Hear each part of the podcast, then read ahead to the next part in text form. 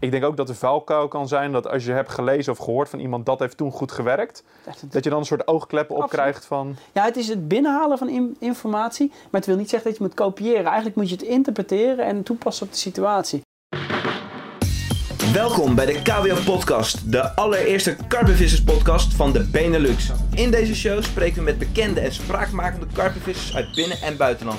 Vissers met bijzondere verhalen, vangsten en levens waar wij natuurlijk alles over willen weten. We gaan de diepte in, zetten de vissers voor het blok, stellen kritische vragen en we proberen zoveel mogelijk succesfactoren uit hun visserij te ontleden.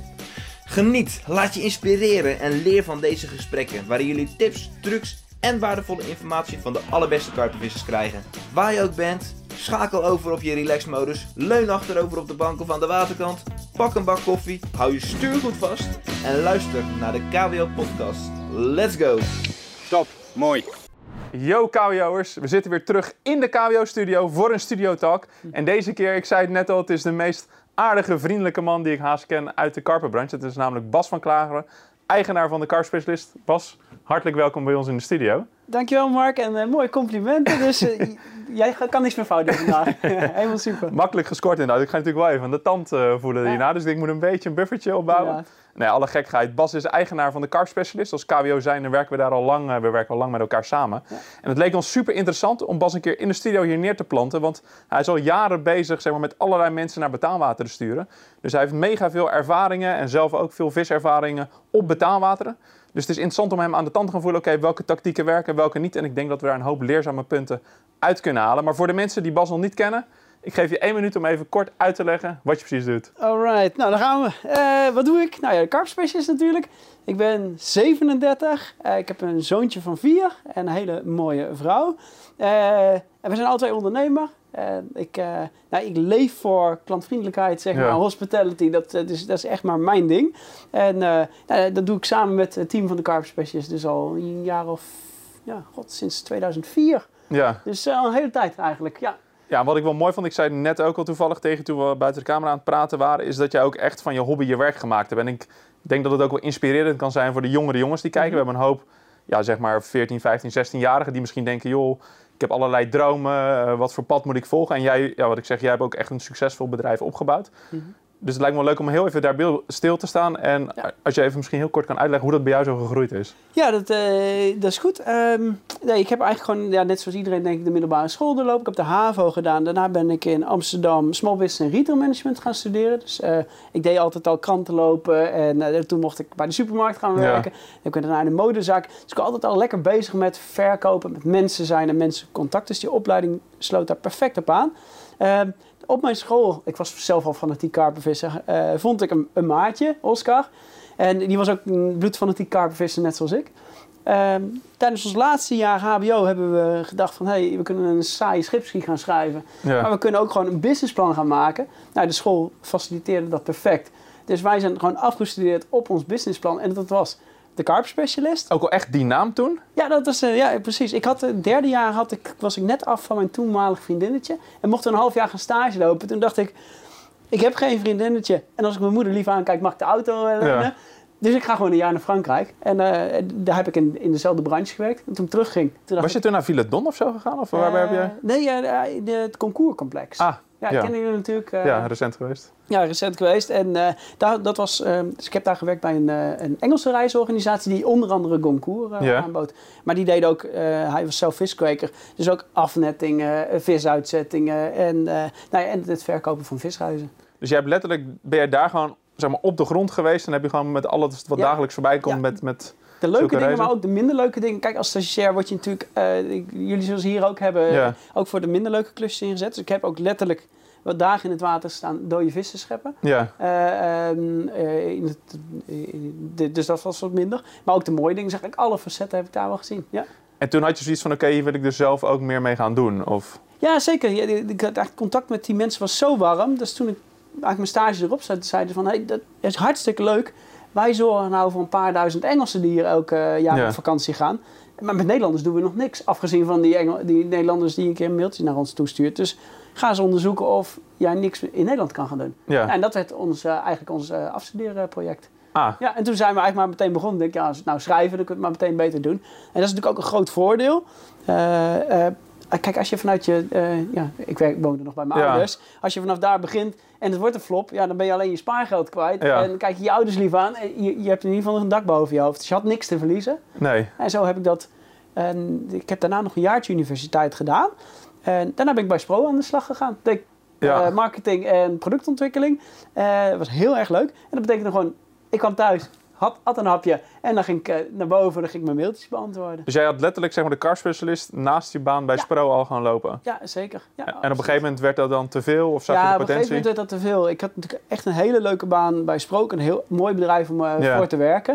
En op een gegeven moment kwam ik eigenlijk, ook mede door eh, Kumari, mijn vriend, nu Ja. vrouw en toen vriendin. Die zei van, joh Bas, het is best wel leuk om met jou te zijn. Maar je bent er eigenlijk nooit, want je zit of op je werk of je zit boven te werken. Ja. Op een gegeven moment die omzet van de car specialist ging eigenlijk eh, eh, mooi omhoog. Ja. En toen ontgroeide het eigenlijk het moment van, hey, dit kan ik parttime niet meer aan. En dan moet je een keuze gaan maken. Ga ik of proberen carrière te maken bij Spro, of ga ik bij de gewoon volledig voor de carp specialist.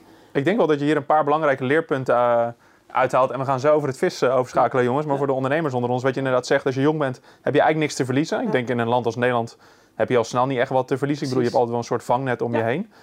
Dus ja, dat mag eigenlijk geen reden zijn om bijvoorbeeld niet je droom Mhm. proberen achterna te gaan. En wat het ook gewoon is, zo heb ik het zelf ook een beetje gedaan, is dat je naast een bestaande baan gewoon rustig gaat beginnen. En dat je op een gegeven moment gewoon heel goed kan zeggen, oké, ik zie genoeg potentie erin, dus is genoeg draagvlak. Ja. Ik zeg mijn baan op, wat altijd alsnog dan heel spannend is natuurlijk. Ja, ik zou het nu niet meer durven inderdaad. en, eh, dat ik achteraf denk, god, waar ben ik aan begonnen. Maar dat ging toen inderdaad heel goed. En ik mag gelukkig eh, regelmatig spreken bij eh, de Sportvisacademie in Zwolle, bij, bij Roelof, met Ja. zijn leerlingen. En dat probeer ik ook altijd wel mee te geven. Het is zo leuk om jongens te zien met dromen. En op het moment dat je zo'n droom gaat concretiseren, ja, je, je kunt het gewoon inderdaad. En als het mislukt, dan is er niks aan de hand eigenlijk. Ja, Nee. als, als je een beetje ouders hebt of vrienden om je heen en je inderdaad het vangnet in Nederland hebt, Ja. dan moet je gewoon dingen doen. Dat is leuk. Ja, en zeker in de hengelsport. want Ik krijg ook best wel berichten van jonge jongens van... joh, ik wil wat in de hengelsport doen. Ja. En zeker nu met het internet en alles wat er mogelijk is. En, en ik bedoel, ook in de hengelsport zijn er dus nog genoeg mogelijkheden uiteindelijk. Absoluut. Je moet gewoon creatief zijn en ervoor gaan. Maar goed, laten we even op het vissen overschakelen. Car specialist, hoeveel wateren hebben jullie nu? Hoeveel wateren bied je bijvoorbeeld überhaupt aan? Ik denk dat het er rond de 70 zijn op dit moment. En dat klinkt natuurlijk enorm veel, en dat, dat is het ook. Maar er zitten natuurlijk ook wateren bij die je voor twee man exclusief afhuurt. Ja. En eh, domeinen, de, de kaarproeven komen hier natuurlijk regelmatig. Ja, Daar hebben we al zes of zeven wateren op één domein. We werken ongeveer met een 40 tot 45 watereigenaren. En jij bent zelf ook op elk water ga je dan Ja. heen? Elk water ben ik geweest. Ja. Hoe gaat zo'n proces een beetje? Ik ben gewoon nieuwsgierig hoe dat Ehm, gaat. Nou, eh, uiteraard krijg je of... ehm, op dit moment is het zo, omdat we natuurlijk een naam hebben opgebouwd Ja. in, de, afgelopen decennia, dat je gewoon ehm, eh, mailtjes krijgt van watereigenaar of belletjes van watereigenaar. Zou je ons water willen verdelen? Ja, Eh, dus dat is proactief. Het is op dit moment natuurlijk in verband met corona een behoorlijk eh, spannende ehm, tijd geweest. Ja. En onze afweging nu is, en dat is eigenlijk ook nooit een doel geweest om heel groot te worden. Het is een beetje een organische groei. Op het moment dat je, wij werken met bezettingsschade, dus dat is eigenlijk vrij simpel. Op het moment dat het water helemaal vol zit, is het 100% bezet. Dus Ja. een bezettingsgraad van 100%. We kijken gewoon van hoe- in hoeverre is onze bezettingsgraad goed. Als er te weinig plek is, eh, dat betekent dat er een water bij moet. Als er te veel plek is, betekent, betekent dat wij harder moeten werken. Of dat het betreffende water misschien niet aan de wensen van onze gasten voldoet. ja. Eh, en eh, zo zijn we eigenlijk organisch naar 70 water gegroeid. Maar het is geen doel om daar 100 of 120 of 150 van te Nee, maken. jouw kennen wil je ook gewoon de kwaliteit natuurlijk gewoon goed eh, kunnen waarborgen. Ja, absoluut. En dat is de afgelopen twee jaar vind ik zelf, dus ik of anderhalf jaar met corona, is het behoorlijk in het gedrang gekomen natuurlijk. Eh, eigenlijk waren we op een punt om te zeggen, we zijn nu met Bianca, en Marion, Jeroen en ik en Patrick voor, voor Duitsland. Eh, dat er eigenlijk nog een extra persoon fulltime bij moest om mij te kunnen ondersteunen met klantencontact. Ja, dat kon gewoon natuurlijk financieel niet uit eh, met, met corona. Dus ik heb daar gezien van, we hebben de afgelopen anderhalf jaar steken laten vallen. Het is niet de kwaliteit die ik zelf zou willen. Eh, nu als het goed is, moet het heel snel afkloppen. Komt er toch een mooiere tijd aan weer. Dus eh, het ligt in de lijn der verwachting dat we een extra collega bij krijgen. om die, die service weer op een niveau te krijgen waar, Ja. waar wij 100% kunnen achterstaan. En je geeft aan dat je nou dan 70 water hebt. Ik kan me ook voorstellen, als zou ik, zeker als beginnend karpenvisser met een droom om naar Frankrijk te gaan, ik kom bij jou op de site. Dan denk je, oké, waar moet ik in godsnaam beginnen 70 wateren? Ja. Zijn er bijvoorbeeld verschillende type wateren over hoe je dat als karpenvisser kunt gaan bekijken en hoe jij het ook bekijkt? Absoluut. Ja, marketing is mijn, mijn hobby, zeg maar, en mijn opleiding Ja. geweest. In de marketing noemen ze zoiets persona, zeg maar. Welke persona's heb je als klanten? Nou ja, je denkt iedereen is visser, maar ja, daar zit nog heel, zoveel verschil tussen. Op onze website herkennen we verschillende vissers. Ja, Eh, dat zijn doelgroepen mensen die luxe willen. Dus over het algemeen mensen die met hun gezin op vakantie gaan Ja. of wat ouder zijn. En mensen die een korte sessie willen doen. Natuurlijk enorm populair geweest tijdens corona. Lekker van vrijdag tot en met maandag even weg. Of Ja. van maandag tot vrijdag. We hebben jongens, eh, à la jullie zeg Ja. maar, de Big Fish Hunters. Daar hebben we eigenlijk een hele mooie selectie aan. Eh, we hebben mensen die, eh, eh, die echt voor de natuur gaan en voor de ontspanning. Die zeggen, het maakt me niet uit wat ik ga vangen. Ik wil gewoon lekker in die natuur even bezig zijn. Het zijn over het algemeen mensen uit de Randstad. ja, En mensen die de hele dag achter hun computer zitten, die zeggen het interesseert me niks, ik ga gewoon in een hutje op de hei. ja, Eh, dus die selectiecriteria hebben we. En daarna nog praktische dingen van, ik heb een voerboot die wil ik graag gebruiken, ik heb een roeiboot die wil ik graag gebruiken, ik wil er etenservice bij. Ja. Eh, lekker, eigenlijk best wel lekker. Eh, en mensen die een camper hebben, die, dat, dat kun je eigenlijk allemaal aanvinken op de site, waardoor je die 70 wateren binnen een mum van tijd, zeg maar, een shortlist van vijf wateren hebt. ja. Dus eigenlijk zeg jij, stel je voor ik wil een vakantie gaan boeken. Dan moet ik dus eigenlijk wel zelf al even stilstaan. Oké, waar ben ik dan naar op zoek inderdaad? Wil ik luxe? Wil ik kans op grote vis? Wil ik veel beet krijgen? Absoluut. Ja, en eh, dan zie je dus eigenlijk als je met z'n tweetjes bent, is, is dat heel makkelijk te bedenken. Hè? Ja. Jij en ik kunnen, daar, eh, kunnen een water vinden dat prima bij elkaar past. Eh, maar als je met tien man op vakantie gaat, dan kan het zijn dat de ene op zoek is naar luxe en de andere op zoek is naar veel vis en de andere juist één grote wil vangen. Ja, En dan wordt het wat lastiger en dan moet je eigenlijk heel bewust van zijn dat, dat je wellicht naar een water gaat wat niet 100% aansluit op je wensen. Maar het kennen van je eigen wensen is eigenlijk de sleutel tot succes. Dat is eigenlijk ook de enige manier waarop wij een goed advies kunnen geven. En wat mij vrij lastig lijkt, als ik in jouw schoenen staan, is dat eh, misschien mensen denken van joh, ik ga naar een betaalwater, dus dat vang, ga ik gegarandeerd vis vangen. Zeg maar die verwachtingen vooraf, dat is ook met mensen die naar openbaar water gaan. Dan krijg ik ook berichtjes van joh, eh, wat raad je aan? En dan vier dagen later krijg ik een berichtje van joh, we hebben niks gevangen, en het zit allemaal tegen. En, eh, kutwater. Als ik dat Exact, ja, anders ja. moet ik me wegpikken. Maar, ja, nee, dat is, dat is absoluut zo. Eh, verwachtingspatronen is, ik denk in, in het leven van een mens sowieso vaak een grootste struikelblok. ja, Want als je verwachting wordt gerealiseerd, nou ja, dan zit er geen het spanning gewoon, aan, want dan is ja. het zo. En als je verwachting niet gerealiseerd wordt, dan is het, excuses, Ja. is, is kut. Dus dat schiet eigenlijk niet op. Dus op het moment dat je het verwachtingspatroon te hoog hebt, eh, hebt staan, heb je nooit een leuke vakantie. maar hoe zou je dan eh, zoiets benaderen als visser zijnde, zeg maar? Wat, wat moet je verwachting dan zijn als je naar een betaalwater gaat? Kijk, eh, één ding wat je zeker weet op een betaalwater, tussen over het algemeen, het visbestand is geconditioneerd. Want je kunt er een vis uitzetten en hij zwemt er, niet- zwemt er niet weg. De watereigenaar kan de vissen bijvoeren. Dus normaal gesproken heb je een hogere visbezetting per hectare dan op een openbaar water. Eh, wat het theoretisch gezien makkelijker zou Ja. maken. Aan de andere kant natuurlijk conditionering, dat ken je als geen ander. Ja, en daarmee bedoel je dus, Ja. die vissen worden continu belaagd? Ja, ja, ja tuurlijk. Ja, die, die, die, snappen dat goed. Ik heb van de winter met eh, Jeroen op Rivière gezeten. Ja, Nou wil ik niet zeggen dat ik een topvisser ben. Verre van dat. Eh, daar zwemmen 800, vi- zo'n beetje 800 vissen. Het gemiddeld gewicht ligt tegen de 20 kilo aan. En gewoon een week voor niks gezegd. echt ja? En eh, zeker weet ik de vissen bespreken. Heb ik eh, sterk gezien. Bellen, draaien, eh, op de dieptemeter. Niet verleid kunnen krijgen tot een aanbeet. Nou is dat daar wel hogeschool vissen. Jeroen die kent het water echt goed. Die, ik denk dat het al 25 keer geweest is. Ja. Die heeft een paar vissen losgekregen. Hoe verklaart hij dat dan? Als hij die ervaring heeft op dat water, waarom bijvoorbeeld jij dan niks van? ja, gewoon nou, echt extreem dressuur. Daar komt het zo op de details aan. Ja? Ehm, en die maken dan ook echt het verschil met tussen vangen en blijken. En natuurlijk, we hebben, eh, we hebben pech gehad met het weer. En Ja. noem, noem het maar eens op. Maar het rottige is, op het moment dat je de directe vergelijking maakt met... er zit zoveel vis op, dus ik ga ervan uit dat ik er zoveel ga vangen. Ja, dan ga je gewoon altijd nat. Ja. En eh, dat heeft dus echt met die verwachtingspatronen te maken. Het probeer, hetgene wat wij proberen te doen is te faciliteren dat het ter plaatse zo goed mogelijk geregeld is. Ja. Eh, ja, maar ja, uiteindelijk is het natuurlijk wel... We moeten niet, niet vergeten dat... Kijk, heel veel is maakbaar in het leven. Maar het gedrag van een karper... Nee. eh, ja, daar, daar kun je helaas... Je kunt er ook niks aan doen als het Nee, te ja. hoog is, als het regent, als de wind verkeerd staat. Wat ik zelf wel in mijn eigen visserij merk is, is dat als ik veel terug ga naar een bepaald water, openbaar water, en je komt er voor de tweede, derde, vierde Mhm. keer, dat je je verwachtingspatroon natuurlijk veel beter kan gaan bijstellen. Van joh, ik, eh, uit mijn voorgaande ervaringen weet ik dat ik dit of dit moet doen om dat of Ja, dat eventueel te vangen. Absoluut. Is dat ook iets wat je ziet dat veel mensen dan bijvoorbeeld terugkeren naar dezelfde wateren voor die reden? Of wil iedereen eigenlijk continu wat nieuws? Daar zit wel echt een tweedeling in, inderdaad. Ik heb eh, jongens bij, we zijn ja, van 2004 bezig. Jongens eigenlijk die vanaf 2004 hetzelfde water één keer per jaar bevissen. Ja. Dus af en toe eens een keer een uitstapje maken.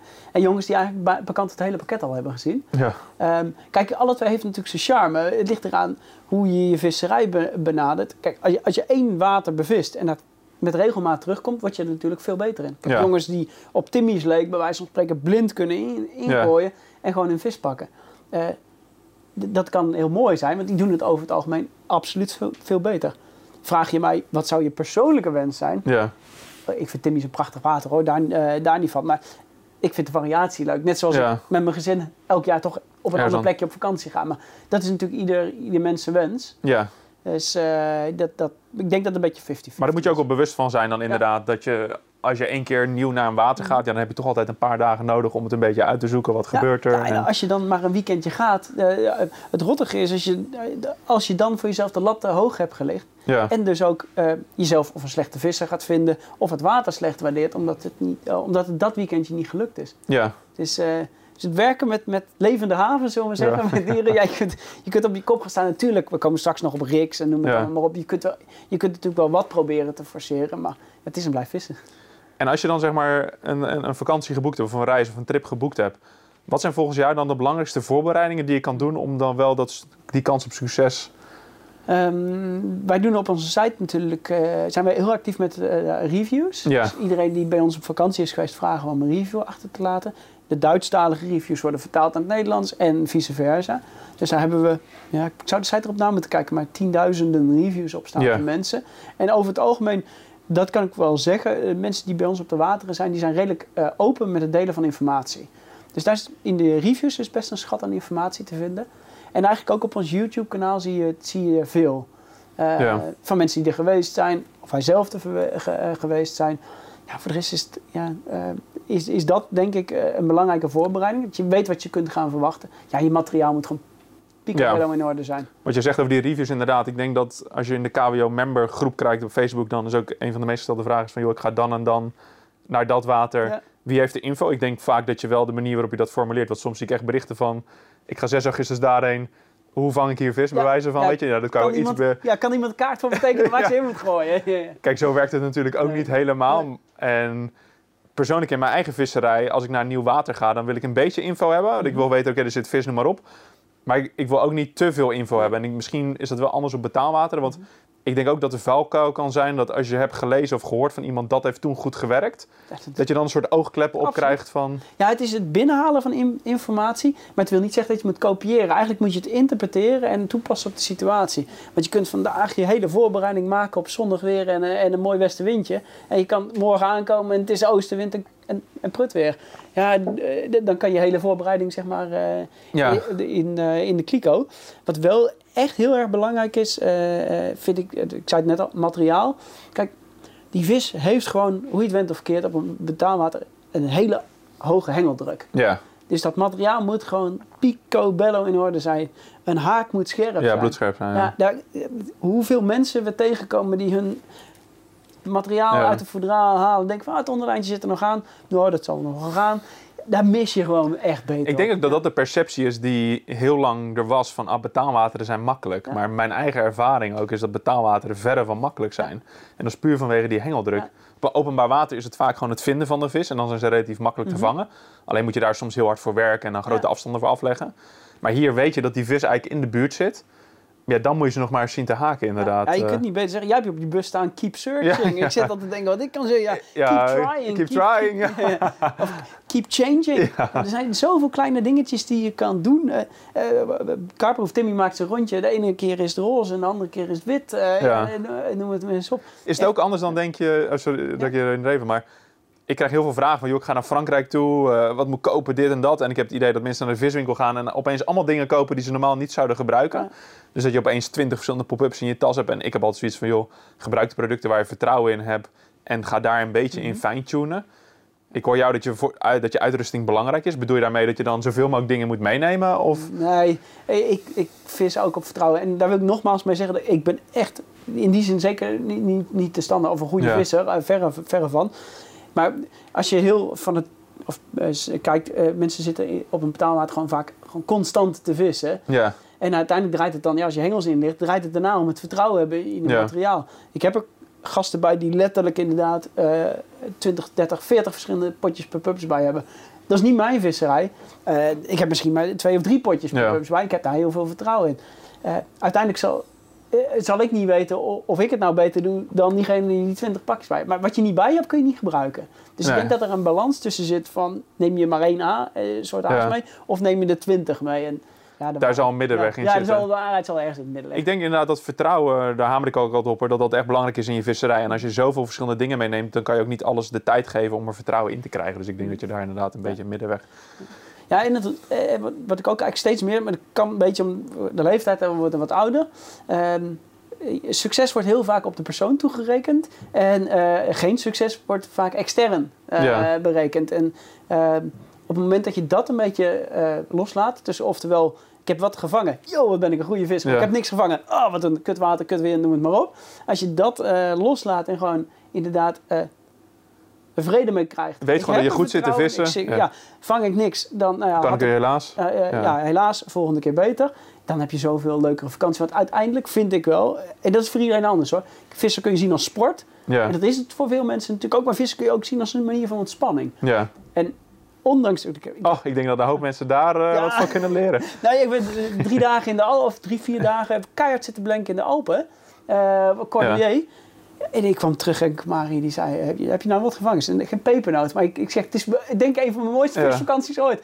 Ik heb, ik, ik heb geen douche gezien. Ik heb elke dag lekker in mijn blote kont, lekker in het meer rondgezwommen. Een beetje met de Ja. GoPro aan het zwemmen geweest.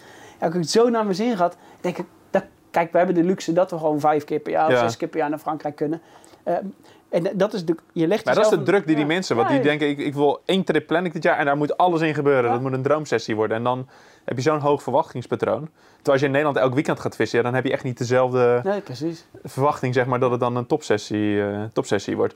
Ik wil zo meteen echt dieper met jou ingaan op richt. Want jij zegt de hele tijd van, joh, eh, ik ben niet zo'n bijzondere visser, maar ik weet dat jij echt wel wat bijzondere trucjes hebt uitgehaald links en Ja. rechts. Wat mij heel lastig lijkt, is je komt op een betaalwater aan, zaterdagochtend. Waarschijnlijk zijn er net mensen opgeruimd, zijn weggegaan. Hoe begin je op zo'n stek als je niet weet, zeg maar, hoeveel voer erin is Ja. gegaan? Wat zou je mensen adviseren als ze die eerste dag aankomen? Ja, het is, het is inderdaad. eh, Je weet niet over het algemeen niet wat er de week daarvoor is gebeurd. Tenzij je echt de, de tijd neemt om even de watereigenaar te spreken. En eigenlijk veel watereigenaren staan er best wel voor open. Laten we even be- de- beginnen. Je moet sowieso naar je wa eh, water toe rijden. Het gros van de meeste wateren ligt toch wel op 7, 8 uur rijden. Ik zeg voor de meeste mensen eigenlijk, en dat doe ik zelf ook, ik rijd niet s'nachts meer. Ja. Nou, gewoon die, ervan uitgaan dat je op zaterdag gaat, pak gewoon die vrijdag vrij. Eh, pak een leuk hotelletje in de buurt, weet ik wat. Enkel om zaterdagochtend rustig aan. Want Ja. dan heb je die adrenalines eruit, je bent niet vermoeid, je bent mooi uitgerust en je kunt eigenlijk ook meteen goed gaan beginnen. Nou, wat je over het algemeen ziet, ik pak even een water als filedon erbij. Iedereen begint eh, met de boot erop te prikken, te peilen, te zus, te zus. En, en uiteindelijk heb je één grote eh, overlast in zo'n water. En zo'n Ja. vis die weet het. denk oh ja, het is weer zaterdag. weer wisseldag, Het eh. is weer wisseldag. Dat is ook wel heel grappig. De stek die vorige week de topstek was, is de, de dag of de week daarna meteen prut. Ja. Eh, omdat die vis echt mooi kan, eh, kan wisselen. Eh, de begindag voor mij is vaak de dag, ondanks dat ik in een hotelletje heb geslapen, bij spreken, toch de dag van rust. Ik ga er zeer zeker even op met de boot. Eh, prikken en dergelijke is niet zozeer aan me besteed. Dan gewoon een, goed beeld krijgen met de dieptemeter. Ik zag eh, dat jij een hele mooie video had gemaakt van die Element. ja. Die heb ik ook. Nou ja, met dat reelbad die kun je perfect een dieptekaartje maken. Ik vind dieptes toch vaak wel een, eh, een, een goede graadmeter Ja. waar je vis kunt verwachten. En eigenlijk maak ik gewoon eigenlijk... Waar zoek je dan concreet naar, bijvoorbeeld? Ja, ik, ik ga gewoon eigenlijk kijken, wat is mijn zone? En die gevaar ik gewoon helemaal af met, de met, met, Ja. eh, met de batterie. Dan ga ik gewoon terug naar de kant en dan ga ik... er- Ik teken het meestal even uit op een A4'tje. Dan denk ik, hoe zou ik het nou het meest tactisch aanpakken? Eh, kijk, vis kan... Natuurlijk kun je bepaalde hotspots vinden. Kuiltjes, richeltjes, Ja. plateautjes. Eh, dat is mooi. Eh, wat je betaalwater ook ziet is vaak... Vis trekt op, juist vanwege de hengeldruk, vaak op onverwachte afstanden. Ze extreem dicht langs de kant trekken ze bijvoorbeeld. Gewoon eh, lekker echt. onder al die lijnen door. Ja, ja, precies. Dan voelen ze zich eh, veilig. Dus ik ga gewoon voor mezelf eigenlijk een plannetje maken. Kom terug op de kant. Oké, dit is wat ik gezien heb. Waar zou ik nou de vis verwachten? En soms heb ik daar gelijk in en soms wat minder. Maar jij kan het baseren op jarenlange ervaring en zo. Hoe zou je, zeg maar, als niet-visser, het is niet als niet-visser, Mhm. maar als zeg maar, meer beginnende visser of eerste keer Frankrijk, waar kijk je dan concreet naar? Ja, ik zie vaak dat mensen alles op rood of alles op zwart. Het is net een casino, bij wijze van spreken, op Philedon. Oké, we vissen, we mogen tot 150 meter, dus we leggen zes, hengels. zes hengels op 150. Ah, zeg, het, is helemaal niet zo simpel. Spreid je kansen. Je hebt drie hengels als je ze wil Ja. gebruiken. Hè. Soms ook vaker eh, veel interessanter om met minder hengels te vissen. Maar een kantengeltje doet het over het algemeen altijd goed. Heb je ergens een obstakel staan, ja, dan voelt de visser veilig. Ja. Eh, Voer dat nou een paar dagen aan, dan leg er een keer een hengeltje op. Een kuil, kijk even wat er in die kuil zit. Zijn er misschien mossel, eh, mosseltjes te vinden? Eh, Als je kijkt naar de hardheid van de bodem, bijvoorbeeld een Villedon. Ik, voor mijn beeld is dat een soort kleiput of Ja. zo. Maar zoek je dan ook echt naar verschillen in, in de bodem? Ja? Philedon heb ik een paar keer leeg gezien. Dat, dat, de vis groeit daar eigenlijk alleen op de, puur op de bloedworm. Hier en daar zit een harder kuiltje.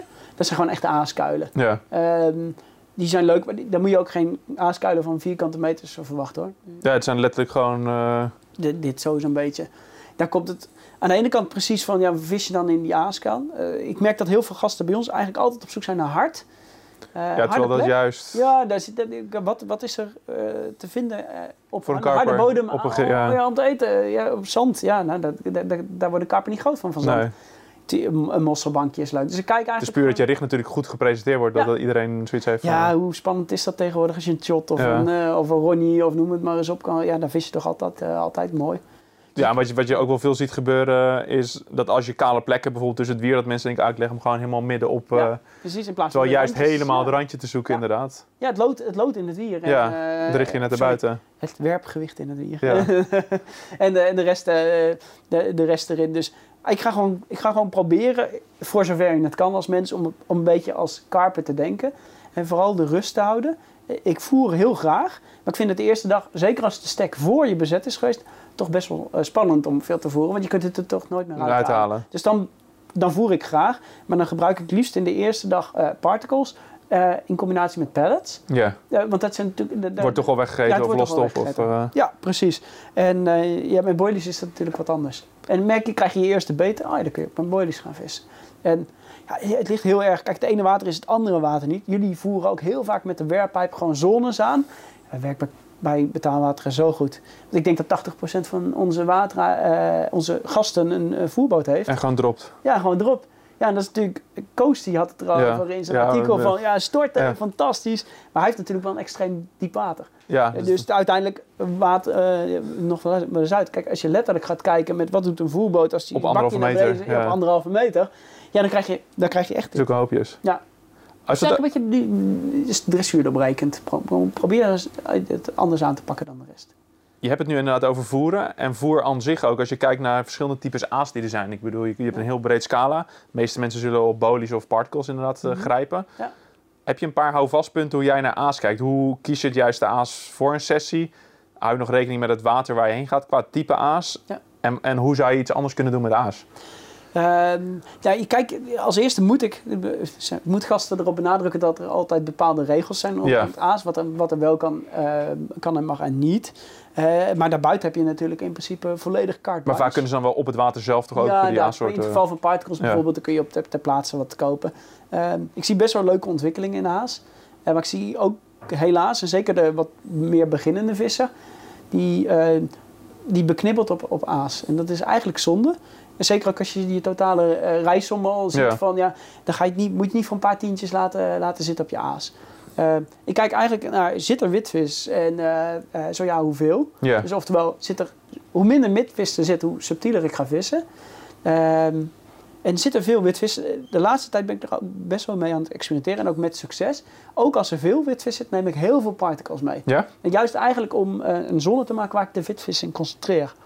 Dus eigenlijk hoe meer witvis ik op die plek krijg, hoe minder witvis ik heb op 50 meter eh, zeg maar, verderop waar ik single hoekbait vis. Hetzelfde met graskarpers bijvoorbeeld of Ja, zo. precies. of Die eh, krijg je steuren. perfect Of, eh, mais, noem maar ja. steuren op de vismeel. Dus eigenlijk probeer ik, als het mag, eigenlijk steeds meer een combinatie mee te nemen gewoon van particles, pellets en boilies. En er zijn ook steeds meer wateren waar je eigenlijk gewoon mais, sorry, maden mag gebruiken. ja. Dus maden, die jongens die die naturals aanbieden, heb je ook verschillende leveranciers eh, waarbij door de particles eh, eh, dode maden gaan, dode bloedwormen, kril, noem het maar op, kreefjes. Ja, daar heb ik ook goede ervaringen mee. Ik weet niet of die vis wel of niet had gevangen als, als het er niet tussen zat, maar het draait dan weer om vertrouwen. Maar ik zou zeer zeker niet beknibbelen. En ja, uiteindelijk, je moet natuurlijk voor een merk kiezen waar je vertrouwen in hebt. En dan kan nu allerlei merken gaan roepen Ja, waar ik vertrouwen in heb. Maar daar, daar gaat het eigenlijk helemaal niet om. Maar het is logischerwijs, hè, ik bedoel, eh, dat kun je op een bierveeltje uitrekenen. Dat een, eh, Oh nee, zo. Nee? Oh, sorry. dat een, eh, de, de, een boilie van, de, van 3 euro, dat, die, Ja. dat die kwalitatief minder goede ingrediënten kan omvatten dan een boilie van 10 euro. Dat wil niet zeggen dat die boilie van 10 euro meer vangt. Maar we weten wel zeker dat er betere ingrediënten zitten voor de vis. Ik vind het wel grappig dat je eigenlijk een soort een heel relaas eerst over particles begint en dan pas over bodies begint. Als je zou mogen kiezen, dan neem je dus ook liever particles mee dan bodies. Eh, nou, weet ik niet. Kijk, ik heb natuurlijk twee petten op. Dus Ja. de, de, de, pet, de pet van zeg maar, degene die eh, zo het water beheert Ja. en eh, de, de visser. Kijk, boilies zijn natuurlijk gewoon veel beter voor de vis. En, eh, Ja, je bedoelt omdat daar meer voedingsstof Ja, in zit, precies. groeien Nou, ze van. Sorry, ze groeien ervan. Ja. Je, je, je- precies. Particle of ethisch scheidt hij uit en dat was het. Inderdaad, ja, het is, eh, dat is, het is veel meer koolhydraten natuurlijk. Feitelijk gezien zou ik, moeten, zou ik eigenlijk alleen maar bodies moeten noemen. Ja. Eh, ik, ik gebruik zelf gewoon graag particles, ook voor het volume wat je kunt maken. Wat voor particles heb je concreet daarover? Wat zijn je favorieten? Eh nou, gewoon eigenlijk een particle mix. eh, ja, je hebt particle mix, maar... Maar gewoon zoals je vroeger duivenvoer kocht of zo, met bijvoorbeeld. mais. En... maar ik vind boekwijd Ah, fantastisch. Hennep, hennep vind ik, vind ik prachtig. Ehm eh, tijgenootjes vind ik ook wel fijn hoor. Ja. Zeker, jullie hebben natuurlijk altijd die befaamde smikkelmix eh, met een paar handen tijgenoot erin. Echt, het is prachtig. Ja, dus dat, dat werkt ook goed. Het, het ligt natuurlijk ook aan wat je doelstelling is. Ja. Ik heb Jeroen, eh, die, die, die krijg ik nou, met moeite krijgt hij een, eh, zak eh, van hem particles zeg maar, aangesmeerd. Maar dit jaar kies er heel bewust voor om vooral op grote vis te, Ja. te, te, te jagen. En eh, ik denk dat je daar wel een heel duidelijk verschil in ziet. Op het moment dat je zegt ik wil puur, een, puur zang grote vis vissen, dan zou ik die particles wat minder Ik meenemen. sprak van de week eh, sprak ik iemand bij mij in, de- in het dorp. Hij weet sowieso dat ik het over hem heb nu als hij het luistert. En die had goed gevangen op het betaalwater. Hij zei, ja, de sleutel was eh, dat hij die hennep blijf aan het koken was en het nog warm met water ingoot. Eh, maar die had ook echt go- goed gevangen op hennep met een heel klein eh dubbeltje of weet ik veel wat erop. Ik gebruik heel graag van Berkeley heb je die nepwormen. Ja, en, Ah, meen je? Ah, dat ken ik niet. Ja, dat is een fantastisch mooi spul. Daar kun je gewoon, gewoon op een her klooien. Ja, je kunt ook zo'n Ja. rig en zo, weet ik wel van maken. Maar ik gebruik die, die nepwormen. maar dat zijn gewoon plastic wormen of zo. Plastic wormen. En is dat, uit, is dat het enige wat je op je her hebt dan? Ja, en die gooi je gewoon, het is een enorme berg hennep inderdaad, Ja? ja? boekwijd. Dat is ook zo wat het mooie zwarte spul natuurlijk. En die soak je niet of zo, dus gewoon puur hoe ze uit de Ja. verpakking komen. Ja, precies. Ja, dat gaat, gaat prima. Ja, Ja, weet je wat het is? Eh, als die vis wil, dan, dan kun je er alles aan knopen. En als Ja. hij niet wil, dan, dan, dan, dan werkt het niet. Maar eh, het- is iets wat die vis minder snel eh, ziet. Ja, Timon, eh, die hebben jullie volgens mij hier ook al gehad natuurlijk. Dat ja. is ook echt zo'n... zo'n zo'n- Fijn, eh, Ja, fijn, eh, kijk, ik wou zeggen mierenneuker, Ja. maar die doet het heel erg precies. En die doet ook heel veel wormen knippen en, en, en doorheen. Nou, Dat is ook echt van dat onderscheidende Dat is altijd wel een beetje luguber, maar... Ja, ja, precies. Ja, ja. ja, inderdaad. Wij eten eigenlijk thuis wij eigenlijk nauwelijks geen vlees. Ja, en dan, eh, En ondertussen gooi je er wel inderdaad 5 kilo dode, dode pieren doorheen. Dus eh, daar moeten we nog een weg in vinden. Maar Ja, ja. eh, het, het is gewoon, ik denk, in aas kwaliteit geldt, maar zeker ook het afwijkendheid. eh. En jij had het net ook over maden. Ik denk dat maden ook wel redelijk populair is geworden, omdat we vooral van de winter hebben wij daar ook best wat content over geplaatst. Is maden denk je ook meer een aas voor koud water bijvoorbeeld? Eh, ja, ja, het ligt eraan of je ze levend of dood gebruikt Ja. natuurlijk.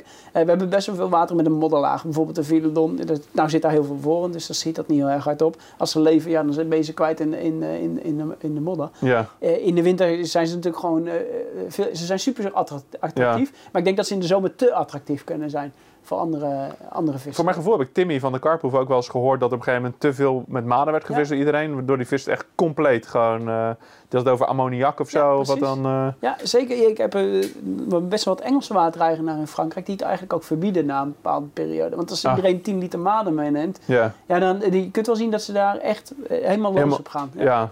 Ja, en het is heel vreemd, want je hebt natuurlijk witvissers die zeggen die maden moeten zo schoon mogelijk zijn. Zeven en noem het allemaal Ja. maar op. Maar inderdaad, het, voor mijn gevoel, ook zeker in de winterperiode, hoe erg ze stinken naar ammoniak, Ja? hoe beter ze eigenlijk lijken te zijn. Maar je bedoelt, het is, het is geen eh, rocket science, het is maar gewoon een gevoel. Weet je. Ja. Maar ik, heb het, zelf het idee dat hoe harder ze stinken, hoe meer ik erop vang.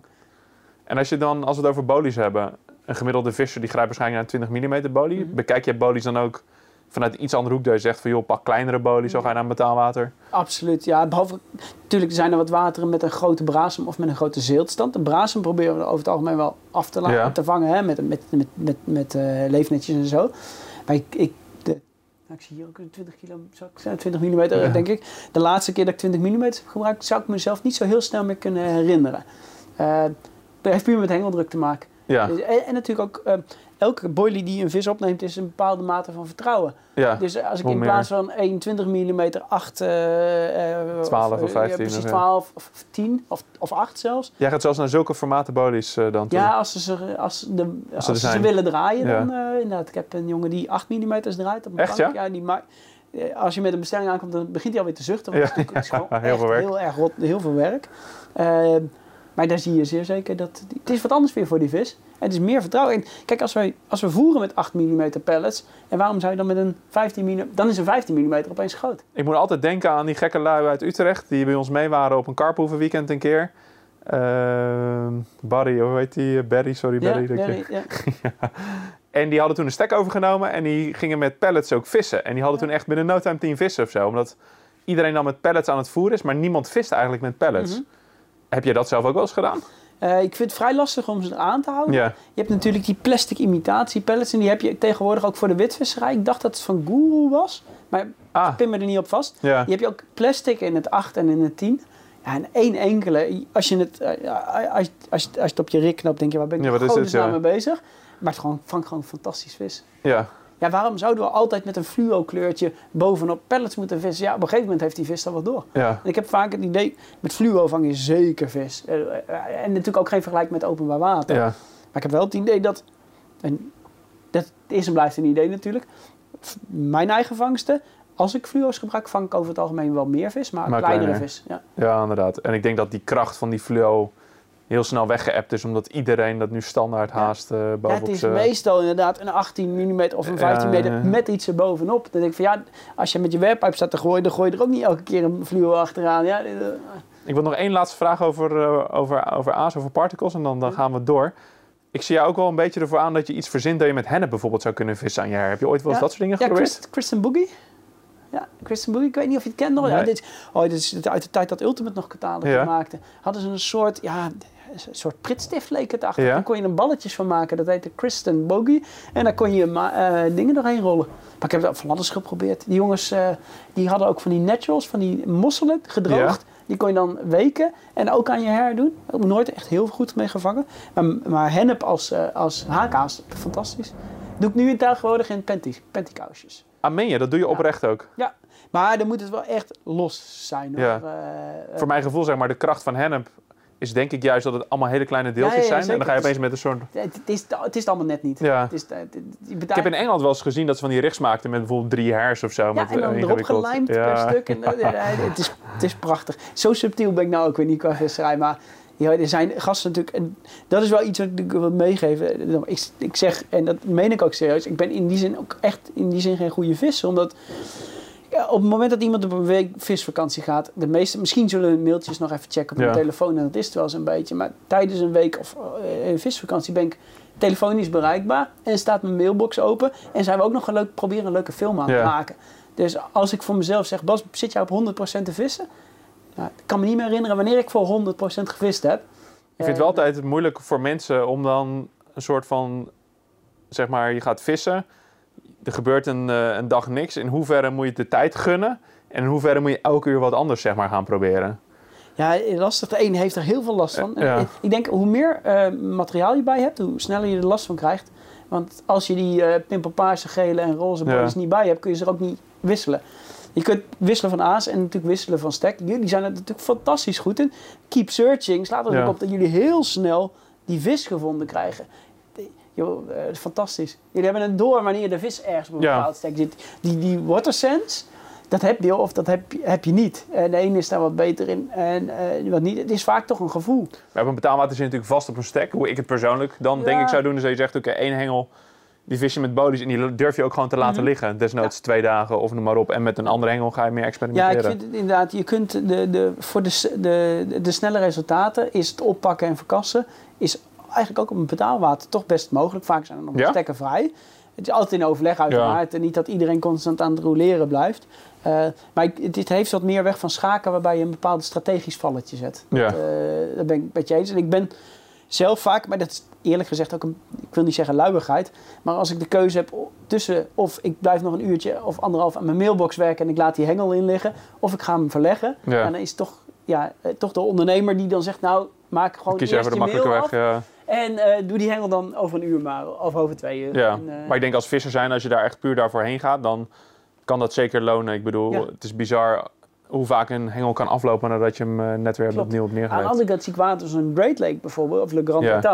Waar, waarbij juist eh, rust, Rust weer, ja, rust weer, weer cruciaal is. En ik denk dat dat voornamelijk mee te maken heeft hoeveel vis er per hectare. Ja. En natuurlijk Great Lake, eh, Le Grand Etang, sorry, kraakhelder en ondiep. Als je daar met een... eh, met een ja, maar die vis kan naar de andere hoek gaan en ja. daar weer twee dagen blijven liggen. Ja, je moet daar met een bootje op. Dus op het moment dat je daar met een boot overheen gaat... Kijk, op het moment dat je zegt, joh, ik kan mijn hengel binnendraaien...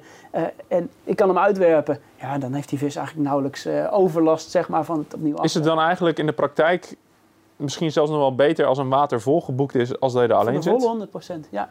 Ja, eh, eh, zeker. Want daarmee bedoel ik dus eigenlijk dat er, als er continu wat gebeurt, Mhm. is die vis eigenlijk een soort van wordt gedwongen continu Ja. te zwemmen omdat er wat gebeurt. Toevallig in de auto hier, op weg hierheen, een van onze watereigenaren had Michel's Lake, dat is zelf Ja. ook een visser, die had Michel's Lake afgehuurd. Die zouden met z'n achter gaan en die waren uiteindelijk maar met z'n drietjes, eh, eh, Ja. afzeggingen noem het maar op. Die hadden met z'n drieën een heel water van, wat is het, eh, 18 hectare zo'n beetje. Ja. Die vingen, het was geen makkelijke omstandigheden, zo'n beetje 30 vissen in de week. De week daarna zit het water vol en dan, daar waren er 250, 62 vissen gewoon. Ja. En als je dat dan doorrekent per persoon, eh, heeft iedereen eigenlijk meer gevangen dan die 10 eh, Ja. vissen per persoon. Die, die, die jongens hadden dat niet vol zat. Kijk, een vis gaat, zeker op het betaalwater, hengeldruk eh, is natuurlijk alles. Ja. Dus ja, als jij te veel ruimte hebt waar geen lijnen liggen, ja, dan, Dan weet je vis dat wel ja. te vinden. En dat is natuurlijk ook het rottige met verkassen. Eigenlijk jaag je elke keer die vis dan weer van je, a- van je Ja. af. Ja, dus, grappig is dat. ja. Als we dan het bruggetje maken, we hebben het over aas gehad. Een ander onderdeel waar mensen echt uren over kunnen discussiëren, dat is natuurlijk rigs. Ja. Als jij heel kort zou moeten samenvatten, wat is jouw visie op rigs, zeg maar, als je op zo'n water gaat vissen? Ja, ook hier, dat bedoel ik niet bescheiden, maar ik heb er helemaal geen verstand van. Ik Ja. heb er echt letterlijk te weinig verstand van, eh, voor mijn gevoel. Als ik zie hoe snel die ontwikkelingen gaan met de Ronnie's, Jots, noem het allemaal maar op. Ik gebruik best wel, wel wat dingen qua rigs. Eh, dus als ik mijn collega Jeroen bekijk, bijvoorbeeld op een Rivière, waarbij Ja. het zo extreem secuur aankomt op die rig. Voor mij is het belangrijk, die haak moet scherp zijn en die moet gewoon eh, prikken. En wat is scherp voor jou? Is dat uit de verpakking scherp of slijp je hem ook zelfs nog? Ik slijp ze heel vaak bij. Ja, Ja. ja. zeker. Je hebt ze worden steeds mooier. Wij, wij hebben natuurlijk Spro was eh, verdelen van Gamakatsu. Ja, Dus we zijn eigenlijk altijd met haken bezig, bezig geweest. Een haak moet scherp zijn natuurlijk, maar het is eigenlijk redelijk simpel. Hoe dunner die haakpunt is, ja hoe sneller die... die ja, binnen is. Ja, ja. probeer jezelf te prikken met een speld of probeer jezelf te prikken met Een eh, breinaald, een breinaald. Ja. daar zit wel een verschilletje tussen. Eh, en je kunt zelf die punt dunner maken. De enige consequentie is natuurlijk, ja, je haak gaat roesten. Ja, Eh, en hij kan Snelle sneller bolt breken. en, eh, sneller bolt, sneller Ja. breken, sneller en, en, en, en- en een hoekje eruit. Eh, dus eh, ja, ik sli- slijp mijn haken, maar die slijp ik niet als ik op een gritbodem eh, ga zitten vissen. Want nee, dan weet je dat hij bij het neervallen bij ja, wijze dan van is het krom bot. Eh, dus ik vind de, eh, de haak heel belangrijk. Wat voor type haken uh, heb je jouw voorkeur? Eh, toch over het algemeen wel klauwhaken. Ja? Ik, heb- ik heb vroeger, zeg maar in de, ik weet het niet, tijd heel veel ook gevist met Fo- Fox Serie 5 haken. Dat is echt een guilty pleasure Ja. in die zin. Een, een, echt een eh, bananenhaak, zeg maar, bij Ja. uitstek. De- de- heel slecht, wordt maar die prikt zo extreem effectief. Ja. Ja, daar hoef je maar naar te kijken en die vis die Ja. hangt al. Eh, maar nu zou ik gewoon zeggen, joh, klauwhaken. Zeker wanneer je in, het gebied, eh, in de buurt van obstakels vist. Verlengd met een line, een linertje Ja. is, is eigenlijk eh, prima. En daar neem ik ook eh, wel heel bewust de keuze voor eh, om, eh, om die te kiezen. Omdat ik daar eigenlijk van weet, die haak die gaat niet lopen als je gewoon normaal, eh, normaal drilt. ja, gewoon je haakt een vis en dan weet je gewoon in, dat hij blijft Precies, zitten. hij, blijft, hij zitten. blijft zitten en je krijgt niet te veel beschadiging in, in, de bek. En tuurlijk, daar weet ik wel van dat het niet de beste haker is. Dus dat je misschien wat vis erop Ja, maar wat je zegt, als je die haken slijpt, is bijvoorbeeld een whitecape van Corda, die kan Ja. wel echt extreem scherp slijpen als je Ja. daar eh, wat handiger in wordt. eh. Oké, dus je haak zeg je, dat is het allerbelangrijkste. Dat vind ik zelf ook hoor, in mijn visserij, dat die haakpunt, Mhm. die moet gewoon vlijmscherp zijn om, eh, Ja. Om succesvol te zijn. Als je dan kijkt, als je met particles vist, wat voor haakgroottes gebruik je dan een beetje? Want dat is relatief klein aas. Ja, ik heb eigenlijk... eh, ik zoek de extreme graag op. Ja, Eh, dus we hebben natuurlijk ook veel op Rainbow eh, gevist. Eh, dus ik heb één haak 1-0. Hè. We zijn in Marokko geweest met z'n allen haak 1-0. haak 1-0, dat is toch gewoon... De Yukos, daar vist ik ook gewoon met particles mee. De. Ik van, dat, dat haakt fantastisch goed. ja. Aan de andere kant eh, gebruik ik ook heel graag maatjes 8 of maatjes 10. Ja. Eh, dus eh, ik, ik bepaal heel erg van, ligt er obstakels in de buurt? Zo ja, dan vis ik groter, want dan kan ik mooi blokken. Ja. Maar bijvoorbeeld de Villedon, ja, die vis die kan daar zwemmen. Daar vis ik liefst met geen lood of met 15 gram lood. En daar mag best een haak maar 10 aan, aan hangen, aan een, heel on- aan, een- aan een nylon onderlijntje bijvoorbeeld van 25 honderdste. Dus ik, ik pas het echt aan op de situatie. Dus ik heb, ik heb alles bij. Dus ja, over het algemeen denk ik, ik vis zo dun als het kan. Tenzij het, eh, tenzij het nodig is. En dan ja, en dun bedoel je dan inderdaad onderlijn materiaal. Dat is Ja. gewoon, gewoon letterlijk zo dun als je kan. Gewoon Ja, ja, je hebt eh, die, verschillende merken. Ja. Die, eh, zeker omdat die, die method visserij op karpertjes nou zo bekend wordt. Ik noemde net Guru. Ja. Ik wil nergens reclame van maken. Maar je hebt natuurlijk zat van die merken die, die bijvoorbeeld ook gevlochten onderlijntjes van een 8, van een 10, van een 12 pond ja. hebben. Kijk, als ik weet dat ik Albertsleek ging ik heen en er- zit 30 kilo vissen. Ja, dan kun je beter misschien voor 15 gaan. ja. Maar als je weet, joh, ik ga een weekendje vissen eh, op, eh eh nou ja, op Carpintula Minpool, bij Ja. grootste vis is 15 kilo. Ja, waarom, waarom zou ik dan 30 pond zonderlijn materiaal Ja. gebruiken als ik ook 12 kan? Eh, ik heb best wel wat mensen omheen. Dick Schot eh, en Richard Laus. Oude rotten, zeg maar, Ja. in het vak. Naast statisch vissen gewoon heel erg begenadigd met penvissen. En die zeggen het gewoon heel duidelijk. En dat merk ik eigenlijk ook uit mijn eigen penvisserij. Als je met 30 honderdste pen vist, dan vang je geen pannenkoek. En doe je de 20 honderdste op, Ja. krijg je veel meer beet. Dus ik probeer daar gewoon richting subtiel te gaan wanneer het kan. ja, interessant is dat inderdaad. En ik hoor je ook over nylon. Dus je gebruikt ook verschillende materiaalsoorten. Soepel heeft dan een beetje jouw voorkeur als ik het zo hoor. Ja, ja, nogmaals. Kijk, ik zit natuurlijk wel vaak aan de waterkant. Ja. Maar ik zit er gewoon ook vaak gewoon te werken. En als ik die jonge garde zie die, die super goed met shots aan het vissen is. En met ronnies en zo. Ben ik daar alleen maar complimenten voor. Ik gebruik ook wel eens shots hoor, als, als, tussen haakjes, als, als nodig Ja, is. maar ik denk dat er toch stiekem, ook al vangen ze vis, dat er wel... Ik, ik zat van de week toevallig het interview met Piet Vogel te kijken, die we hadden gedaan. En die zei ook weer, joh, stijf onderlijn materiaal. Ik snap niet waarom iedereen dat zo gebruikt Ja. en hypt, want je mist gewoon heel veel vissen erdoor. Omdat afhankelijk van welke hoek ze Mhm. komen. Dus die was ook echt op het hele soepele onderlijn materiaal. En Mhm. daar ben ik zelf ook wel een beetje op teruggekomen, Nou, jij duikt zeggen. natuurlijk ook veel nu, hè? Snorkelen, Ja. duiken. Je ziet er onder water gewoon. Kijk, geen bodem. Of ja, je kunt hem vinden, een keiharde rechte Ja. bodem waar een mooi eh, stijf onderlijnmateriaal goed op uitkomt. Maar dat is niet de plek, vind Nee. ik, waar die vis nou van nature gaat zitten azen. Nee, nee, een soepel onderlijn materiaal valt dan veel beter weg. goed. Ja, dat valt altijd goed. Ja, interessant. En qua lengte van rigs, heb je zoiets van, oké, betaalwateren, door die hengeldruk vis ik met relatief korte rigs, of juist niet? Nee, nee eigenlijk juist, eh, ik vis juist relatief lang. Ja? Eh, het ligt natuurlijk aan ook hoe je voert. Kijk, als ik met een voerboot aan de slag ga, omdat ik niet anders kan, omdat ik te ver vis, omdat Ja. ik goed bij, dan, voer, dan vis ik korter. Puur omdat het voer bij elkaar ligt, dus die vis beweegt niet. Ja. Ja. Maar anders, mijn ideale visserij is, eh, is eigenlijk gewoon met een echt lange nylon onderlijn. En hoe lang waar praat je over dan? Oh, 30, 40 centimeter. Echt, ja? ja. Dat zou geen eens in me opkomen, Nou, inderdaad. het is, het is allemaal kopiewerk. Ja. Ik heb jongens, en nog meer een keer Richard Laus. Dus ik zie hoe, die, hoe goed die vis en vangt gewoon met eh nylon, eh, gewoon een soepele nylon onderlijn. Eh, maar dat kan ook met gevlochten zijn hoor. En is dat gewoon met een no-not knoopje, een haakje eraan dan? eh, Ja, is gewoon, ja maar daar, daar kun je dus ook, daar ga, ik, daar ga ik niet shrinken natuurlijk, een Nee. nylon onderlijn. Want als dat warmte ziet, ja, dan wordt het niks. ja. Ja, dat, dat klopt. Ja. Dus die draai je gewoon door. En dan maak ik ook gewoon de ont, het, het- het- mijn, mijn hertje, zeg maar, is ook gewoon van nylon. Het is Ja. gewoon doodsimpel. Maar het grappige is, het is zo simpel. Dus zo, vissen ze met aardappel, bij wijze van spreken, Ja, 30 man. jaar eh, Ja. geleden ook. Maar niemand gebruikt het meer. Dus ja. Ja. eigenlijk... Ja, interessant. Om dit gedeelte een beetje over rigs en, eh, en voeren af te sluiten. Je haalt het net al kort even aan en dat verhaal ken ik al van jou. Dat je op Philedon zonder lood zat te vissen. Ja. Vertel eens even gewoon heel kort wat je daar aan het doen was. Nou, het is eigenlijk allemaal afkijken natuurlijk. Op het moment, reken uit hoeveel mensen er zitten vissen. En het is altijd tussen een bandbreedte tussen de 50 gram en de 80 gram lood. En soms Ja. een keer 100 gram. En dan hou ik ervan, van wat, wat doet nou die vis? Hoe anders zijn je aanbeten bij 250 gram lood? Ja. En hoe anders zijn je aanbeten als je er geen of minimaal lood aan doet? En weer een keer, die, die, die gave methodvissers, die hebben zulk mooi spul. En we hebben eigenlijk toen gezien, dus van, nou, met geen loodvis is, is best wel een opgave hoor. Ja. Denk met een PVA-zakje met eh aquariumgrind of met pellets bijvoorbeeld om je haak heen. En dan gooi je met een beetje geluk 15 meter in. En dan moet je gewoon laten liggen, En dan niks moet je hem meer. gewoon laten liggen en dan moet je hopen dat het niet te veel stroomt.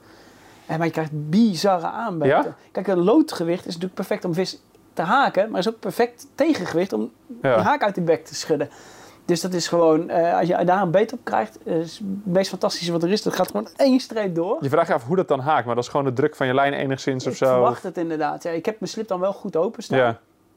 En dan is het denk ik inderdaad die, eh, daarop. En je pakt je hengel natuurlijk op. Het is niet Ja. dat je slaat. Nee. Maar joh, die vis die haakt, haakt zichzelf dan eigenlijk goed. En natuurlijk, je krijgt er een keer een los erop. Maar we hadden het net over shots. Nou, daar krijg ik ook regelmatig Ja. los erop. En dat kan aan mij liggen dat ik die dingen niet goed Ja, kan. maar Ehm, dus dat, met lichtloodvis heeft echt wel, eh, ja, heeft echt wel mijn voorkeur. Dat, eh, Ja, volgens mij heeft Ernesto of zo een keer gezegd in een interview bij ons ook dat er geen loodgericht zwaar genoeg is om tot de weerraak bijvoorbeeld in te prikken. Dat je altijd, Ja. dat het maar het puntje is wat erin gaat. Dus dat je dan, en als ik dan goede vissers om me heen eh, zie, ook een, bijvoorbeeld een Daryl Peck en zo, die vissen dan ook met, met 50 gram of zo, of Mhm. 60 gram max. Ja. En ik denk dat wij in Nederland vaak al grijpen naar 90 gram, 100 gram, 120 gram. ja, ja, kijk, als je op de vaart gaat zitten, eh, ja, als een stroming Ja, is, natuurlijk, ja, al. Eh, maar- Als je een beetje wind hebt en als je ver, ver vist, dan begrijp ik volledig dat je voor zware loodgericht hebt. Maar als je naar betaalwater gaat, dan zou ik wel echt inderdaad ook die uiterste opzoeken. Van of Ja, inderdaad 250 gram onder de top met compleet slappe lijn. Ja. Of gewoon 30 gram, 20 gram desnoods. Precies. Ja, het leuke is aan het, eh, aan het... Het enige wat je kan gebeuren als je, als je anders doet dan de rest, is niks vangen. Ja. En ik vind dat niet zo erg, want dan heb ik het in ieder geval geprobeerd. Nou, hoe ik altijd ernaar kijk, voor mezelf bij ik met heel veel dingen, is dat ik zeg van oké, al doe ik precies hetzelfde als de rest doet, dan zullen mijn resultaten Ja, ook altijd hetzelfde Ja, zijn. Ja, ja. Dan ga je niet opeens veel meer of veel... eh, Nee, precies. Eh, mijn vrouw die, is, die zit ook in, in, eh, in, eh, die eigen zaken en dergelijke. En die had een quote, en dat was eh, heel wat anders. Die zei, ehm, people used to smile at me because I'm different. Now I smile at them because they're all the same. ja. Dus eh, oftewel, uiteindelijk, je hoeft helemaal geen eenheid voor. Juist het, juist het anders doen is eigenlijk zoveel leuker. En dan is het ook leuk als je dan op je bek gaat. Nou, nou prima toch? Je hebt Ja. toch geprobeerd? Heb je toch, eh, ik vind die experimenten wel leuk. Ja, 100%. En als je dan een vis vangt inderdaad, dan Ja. vind ik het altijd extra, extra Ja, net zoet. zoals eh. vroeger dat je je eigen maakte boilies nog Ja, Dan, dan had je een, een zak in de winkel gekocht en dan had je ook, weet ik wat, ja, wij hadden uh, uienboilies. Ja, die- Heb je eens met uienbodies gemaakt? Ja. Ja, nee, gewoon met, met boilies. Nee, maar dan een flavortje met uiensmaak. Nou ja, weet ik wel, karamel, weet ik wat we allemaal niet bedacht hadden. En als die pieper ging, het was sowieso natuurlijk een feest als je beet kreeg. Ja. Als die pieper, ja, verrek, dat is die karamelbolie, die hebben we zelf gemaakt. Ik heb misschien wel eens vaker gezegd, ik had, ik had zo'n boekje van Solar uit de viswinkel, toen was ik echt denk 12, 13. En nu weet ik dat, hadden ze allemaal afbeeldingen van fruit geplaatst, maar dat was voor de flavors. Ja. Maar ik zag een banaan liggen. Ik dacht, ah, je kan dus ook met banaan vissen. En ik snapte het niet, joh. ik inwerp het telkens, maar dat ding dat vloog eraf natuurlijk. Dus eh, waarschijnlijk had je prima met banaan karpers kunnen vangen. Ongetwijfeld. Ik had een eh, vriend van me die heel graag met sportlife viste, met kauwgompjes. Ja. Echt? Ja. Maar je vangt ze ook met plastic, dus het uiteindelijk Ja. maakt geen reet uit wat je... Nee, nee, maar ik vind dat, dat, dat, dat spelerige dat je- jeugdige... Ik vis niet zozeer voor de resultaten. Ik vind het leuk om, Ja. echt, heel leuk om vis te vangen, maar ik vind het vooral belangrijk om te ontspannen. En eh, juist die gekke dingetjes, oh he- heerlijk. Ja, ja, dat- maar ik denk echt wel dat we kunnen zeggen, en jij prijst jezelf een beetje weg de hele tijd, maar ik weet echt wel wat je af en toe gevangen hebt op wateren. Ik denk echt wel dat het echt de moeite loont om dus dingen anders aan te pakken. Ja, dat wat zie je je zegt, zeker in resultaten ook van anderen. Wat je zegt, die lange richt, zo dun mogelijk, heel licht lood of juist heel zwaar lood. Die particles aan de slag gaan in plaats van gelijk bolies dumpen. Ja, je wordt natuurlijk geconditioneerd, omdat de karpervisserij is natuurlijk zo. Ja, 20 jaar geleden was die karpervisserij anders en 40 jaar geleden ook. Waarschijnlijk zullen we nu over 20 jaar denken, hoe hebben we dat ooit kunnen doen? eh? waarom hebben we zo Ja. gevist? Ja. ja, dus uiteindelijk is de, is de karpvisserij trendgevoelig en dat is natuurlijk ook goed. Ik bedoel, iedereen moet zijn brood eh, verdienen. Eh, maar het wil niet zeggen dat, eh, dat we niet dingen uit de witvisserij kunnen overnemen. Ja. Of uit de roofvisserij, of noem, uit de zeevisserij zelfs. En je hoeft echt niet helemaal wild te zoeken. Al ga je al pop-ups kopen in de, in de viswinkel, dan kan je of net als iedereen 15 mm kopen, Ja. of je neemt inderdaad 10 Ja. mm. En dan is het voor die vis al een compleet ander precies. verhaal. Maar dat is natuurlijk wel het nadeel. Ga je ermee... Je moet het wel in perspectief plaatsen. Ga je ermee zeg maar, hier op het Amsterdam-Rijnkanaal Ja, dan zitten, het ja, dan heb je doen. binnenkort Ja. een Braseman. Ja. Dus eh, dat is Ja, maar als we gewoon nu gefocust zijn op de betaalwater. Een betaalwater dan, eh, leent zich er heel erg goed voor, vaak om subtieler te Ja. vissen. Als je kijkt, eh, als mensen, de meeste mensen zullen midweek boeken of een week gaan vissen. Nou, we hebben het net gehad over de eerste dag dat je aankomt. Wat kan je dan ongeveer doen? Heb jij nog het idee dat de mate van succes ook in het opbouwen van een stack zeg maar, zit? Zou je daar, zijn daar nog Ja. dingen die je ziet van, oké, dat zou kunnen werken? Z- Zeker. Kijk, eh, op als je puur sec kijkt, wat je, als je een week op visvakantie gaat, dan betaal je voor het recht om ergens te mogen vissen. En veel Ja. mensen voelen, voelen dat eigenlijk ook zo. Ja, dat hè. 24-7 elke minuut. ik heb ervoor betaald, dus ik ga, ik ga ze gebruiken ook. Ja, En het is heel grappig om te zien, en eigenlijk ook volstrekt logisch, dat de mensen die daar geen profijt van eh, maken, die zeggen, nou ja, ik vis gewoon wanneer ik er zin in heb. Of ik kies er heel bewust voor om juist niet te vissen. Dat die over het algemeen de betere resultaten behalen. Dus eigenlijk gedurende de sessie zou ik zeggen, inderdaad denken heel goed na over je aanpak. En een aanpak kan zijn om eh, juist bijvoorbeeld alleen s'nachts te vissen. Of juist alleen overdag te vissen. Op het moment dat je voer brengt en geen lijnen dat is eigenlijk op elk betaalwater de sleutel tot succes. Eigenlijk Ja. hetzelfde wat jullie op openbaar doen. Je vist, Ja, stek bereid een A, stek voor. Ja. stek B en C worden aangevoerd. Op een gegeven moment kom je op een, eh, op je, een, eh, op een lopende stek terecht. ja, dus zelfs op een betaalwater kan je Ja. daar nog... eh, Ja, ja, dat werkt ja? fantastisch. Maar ik werk ook vaak, zeker als je een beetje, best wel wat stekken waar je gewoon een hectare of Ja, twee visruimte hebt, dan maak ik liefst dag en nacht stekken. En denk je dan dat de hoeveelheid voer daarin een rol speelt? Of is het veel belangrijker dat er überhaupt voer ligt zonder rigs? En misschien dat er regelmatiger, dat je misschien minder en regelmatiger voert? Of... Ja, ik denk regelmatig kleine beetjes bevalt mij het beste. Dat is punt één voor mezelf. Ik, heb gewoon, nee, ik, Ja. ben, ik ben gewoon aan het werk. Dus elke keer als ik ga voeren is dat een onderbreking eh, van mijn werk. Maar het is ook elke keer een onderbreking. Ik, ik doe het gewoon op mijn iPhone. Dus ik zet gewoon, eh, eh, zet gewoon, meestal is dat zes keer per dag heb ik standaard mijn wekkertje staan. Op mijn wekker is mijn reflectiemoment. St- Strek even mijn benen, eet ik even een banaan bij wijze van spreken. En dan denk ik, verrek, is er iets gebeurd? Heb ik iets gezien? En ga ik voeren? En welke hoeveelheden? En dan gaat er eigenlijk vooral om, als je zes keer per dag met je boot erop gaat, dat is niet handig. Nee, Maar, maar de stekken die je op werpafstand hebt, ja, pak je een spomp of zo? Of, eh, Nee, spomp daar ben, ik- ben ik niet zo van. Nee? Nee, eh, zeker veel van ons wateren zijn ondiep. Ja. Dus eh, dan is een spomp is... ja, is, is- ik, ik kan beter met de boot nog gaan misschien. ja, je hebt natuurlijk spomp. Het lawaai van een spomp kan een aantrekking zijn. maar ja, dan moet je echt een Ja. druk bezitten water waar die vissen honger hebben of Ja, zo. precies. Ik denk dat het in ons geval vaak de spomp juist een, eh, Ja. een af, afschrikking Maar dat bedoel je met werpbuis, bolies? Een werphuis met de boilies of een rondje met mijn voerboot en dan Ah, wat particles waar het nodig is. En daarmee ook, dat is, dat is echt heel erg leuk. Dus op Galois bijvoorbeeld fantastisch gegaan. Eh, een van de laatste keren dat ik ging is, ja, daar vist iedereen met pellets. Pellets doen daar fantastisch goed. Er gaan meer dan 10 ton pellets in het jaar op. Eh, maar iedereen gebruikt eigenlijk de voerboot ramvol met pellets en daar een montage op. Op het moment dat je zegt, ja, oké, prima, dat doe ik. Maar ik vaar daarnaast nog drie, vier bootjes random uit waar geen montage Ja. op zit. Dan ga je dus een positieve conditionering krijgen. Dat zo'n hoopje met voer Ja. niet altijd betekent dat je gehaakt wordt.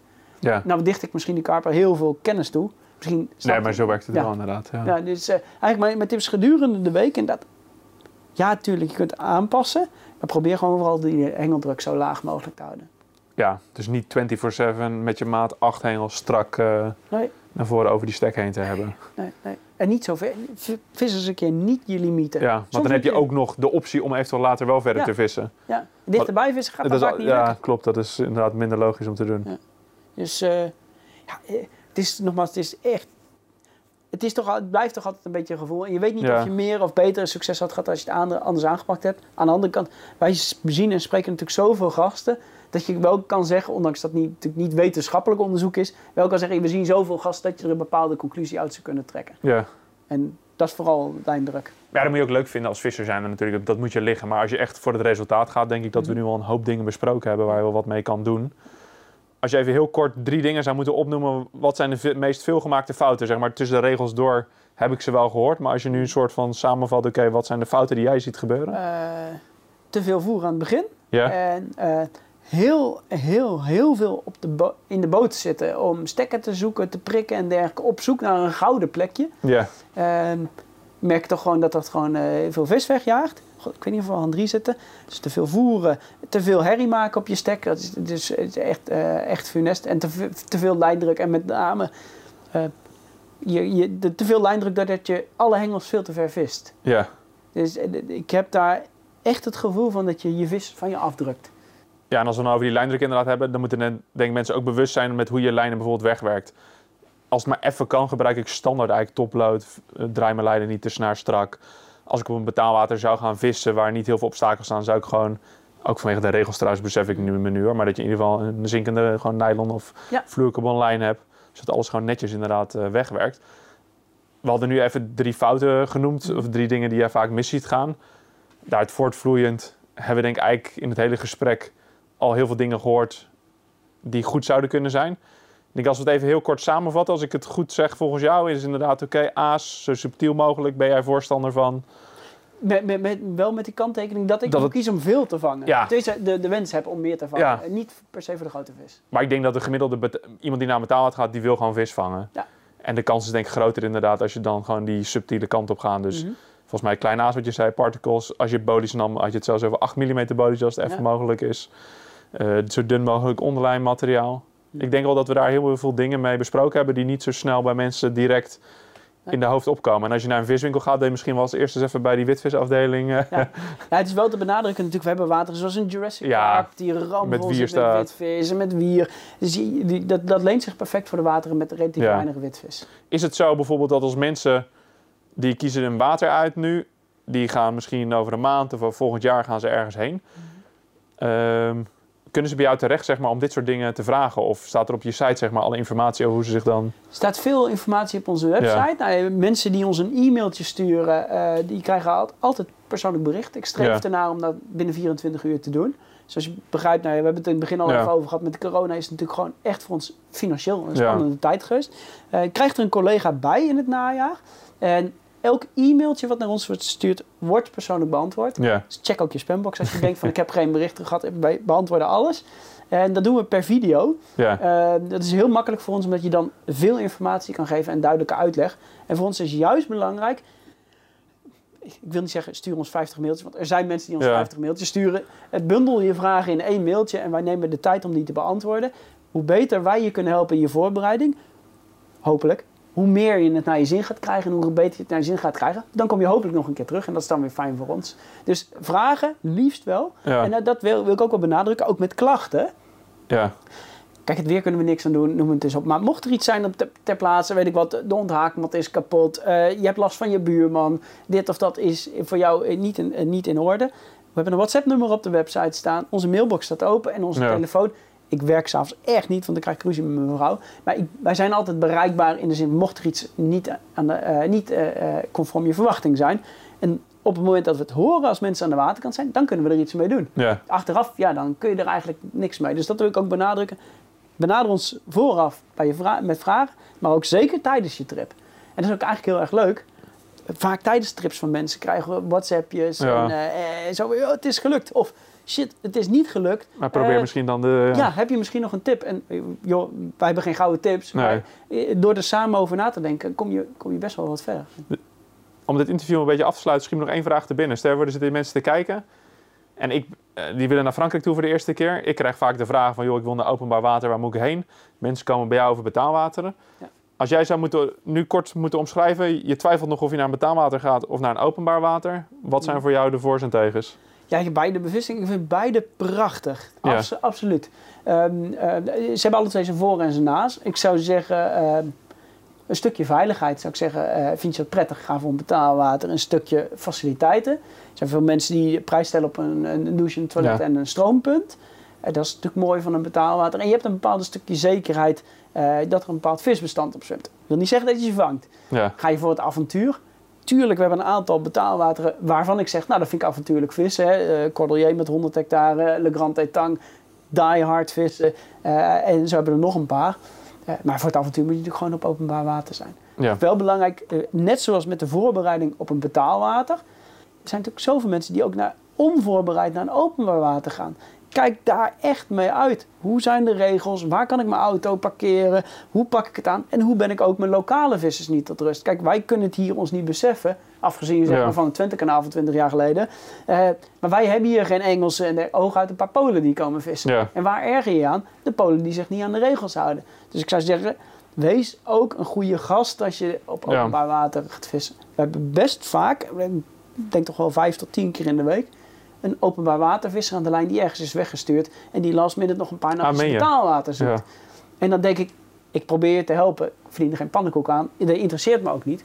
Maar je laat wel een negatief eh, eh, stempel achter als buitenlandse karpenvisser. En, eh, Je verpest het voor jezelf en voor anderen. En bij ons staat dat gewoon in de regels. Neem je troep mee, laat je stek netjes achter. Iets wat vanzelfsprekend is. Maar daar wil ik ook wel meegeven, ook op openbaar water. ja, Gedraag je nou gewoon netjes. Zo moeilijk zou het niet moeten zijn, maar ja. Heel ik- ander hoor. Nee, nee, nee, maar daar heb je wel een heel goed punt hoor. En ik denk, om hem helemaal af te sluiten, zou ik inderdaad, eh zou ik eraan willen toevoegen, joh, wil je heel relaxed gaan vissen, een soort vakantiegevoel erbij, met je maten samen wat kunnen combineren, dat je in de buurt van elkaar zit te vissen, wil je Ja. zekerheid hebben dat er vis zit, dat je aan de regels voldoet, dan is een betaalwater natuurlijk Ja. een perfecte oplossing. En als je inderdaad zegt van joh, ik wil compleet voor het avontuur gaan en ik zie het wel Precies. en ik ben avontuurlijk ingesteld, ja, dan ligt de wereld natuurlijk open en kan je Ja. overal. eh, Absoluut. We zien steeds meer mensen ook die, die combinatie maken. Die zeggen, joh, ik Ja. twee weken vakantie bij wijze van spreken. Eén weekje Ja. pionieren, laten we zeggen, wordt het wat, wordt het wat. En één week wat meer voor zekerheid. En dat is natuurlijk een hartstikke leuke combinatie. Ik vind ook absoluut geen concurrentie met elkaar, want het is een heel ander product als, je, als je als marketeer ernaar kijkt. En beide kunnen die bestaan met elkaar, zonder elkaar. Dus eh, eh, dat vind ik ook heel leuk. Wij zijn, het, het heet nu dan de Karper Sportvisserij Nederland of zoiets. En wij zijn natuurlijk ook al jaren sponsor van de KSN. Eh, want mensen moeten ook openbaar vissen. Ik bedoel, Als hier mensen niet openbaar in de, in, Nee. in de sloot gaan vissen, dan gaan ze ook niet bij ons op betaalwater. En het, het- ik ben wel heel erg blij dat het, het harde eruit is. ja, De excessen die je op openbaar hebt en de excessen die je vroeger, en helaas ook nog wel in de toekomst dat op, eh, in het eh, huidig eh, op betaalwater hebt, dat die er een beetje uitgaan. En daar moeten we natuurlijk met z'n allen heel kritisch op zijn. ja, Gewoon geen vis overzetten, het spreekt voor zich. Eh, maar daar moet ook heel, en dat is natuurlijk ook goed dat je er tegengeluid hebt, dat er heel goed naar gekeken wordt. ja, ja, 100% mee eens. Maar daar ik- kun je nog een hele studio talk Ja. over vullen, over, eh, over dat gebeuren. Maar ik wil wel benadrukken, vanuit de carp fishes is dat natuurlijk één, eh, dat hebben we nu niet aangestipt, maar wel één heel erg belangrijk Ja. punt. Dat het, het visbestand, in hoeverre je dat zou kunnen controleren. ja, op legale eh, wijze Ja, precies. Ja, verkregen. ja kijk, legaal is natuurlijk weer Ook wat. een breed begrip, ja. Is, is een heel breed begrip. Inderdaad, maar de ethiek die wij als vissers hebben, dat je vissen laat zwemmen in het water waar ze, waar, ze vandaan komen. Dat is zo. Ja, dat is weer een, wat je zegt, een hele andere discussie. Ik denk dat we in deze studio talk... ja, inderdaad, ja. Ik denk dat we in dit deel 1 in ieder geval mega veel leerzame tips eh, voorbij hebben horen zien komen. Ik denk dat veel KWO's naar betaalwater gaan en dat ze hier ook zeker hun voordeel eh, uit kunnen gaan halen. Ik hoop dat jullie ervan genoten hebben. Ik heb zelf in ieder geval weer een hoop inspiratie gekregen van Bas. Toch weer even aan het denken gezet. Dus Bas, jongen, ik eh, dank jou zeer. Yes. Voor Nou, deze- Jij ook? Was Yes. gezellig? Absoluut. En jongens, jullie bedankt voor het kijken. Geniet ervan, vang ze en tot de volgende keer. Zo, dit was hem. Hopelijk hebben jullie genoten van deze KWO-podcast. Nou, en wil je genieten van nog meer verhalen en avonturen? Bekijk dan een van de honderden updates die inmiddels voor je klaarstaan op de KWO-community. Vanaf 4,95 per maand ben je member en krijgt onbeperkt toegang tot alle vette films, artikelen en video's. Daarnaast scoor je ook nog eens dikke kortingen bij de diverse partners van KWO. Kortom, word member, bekijk alle updates op de website of download de KWO-app in de App Store. Jongens, tot de volgende aflevering.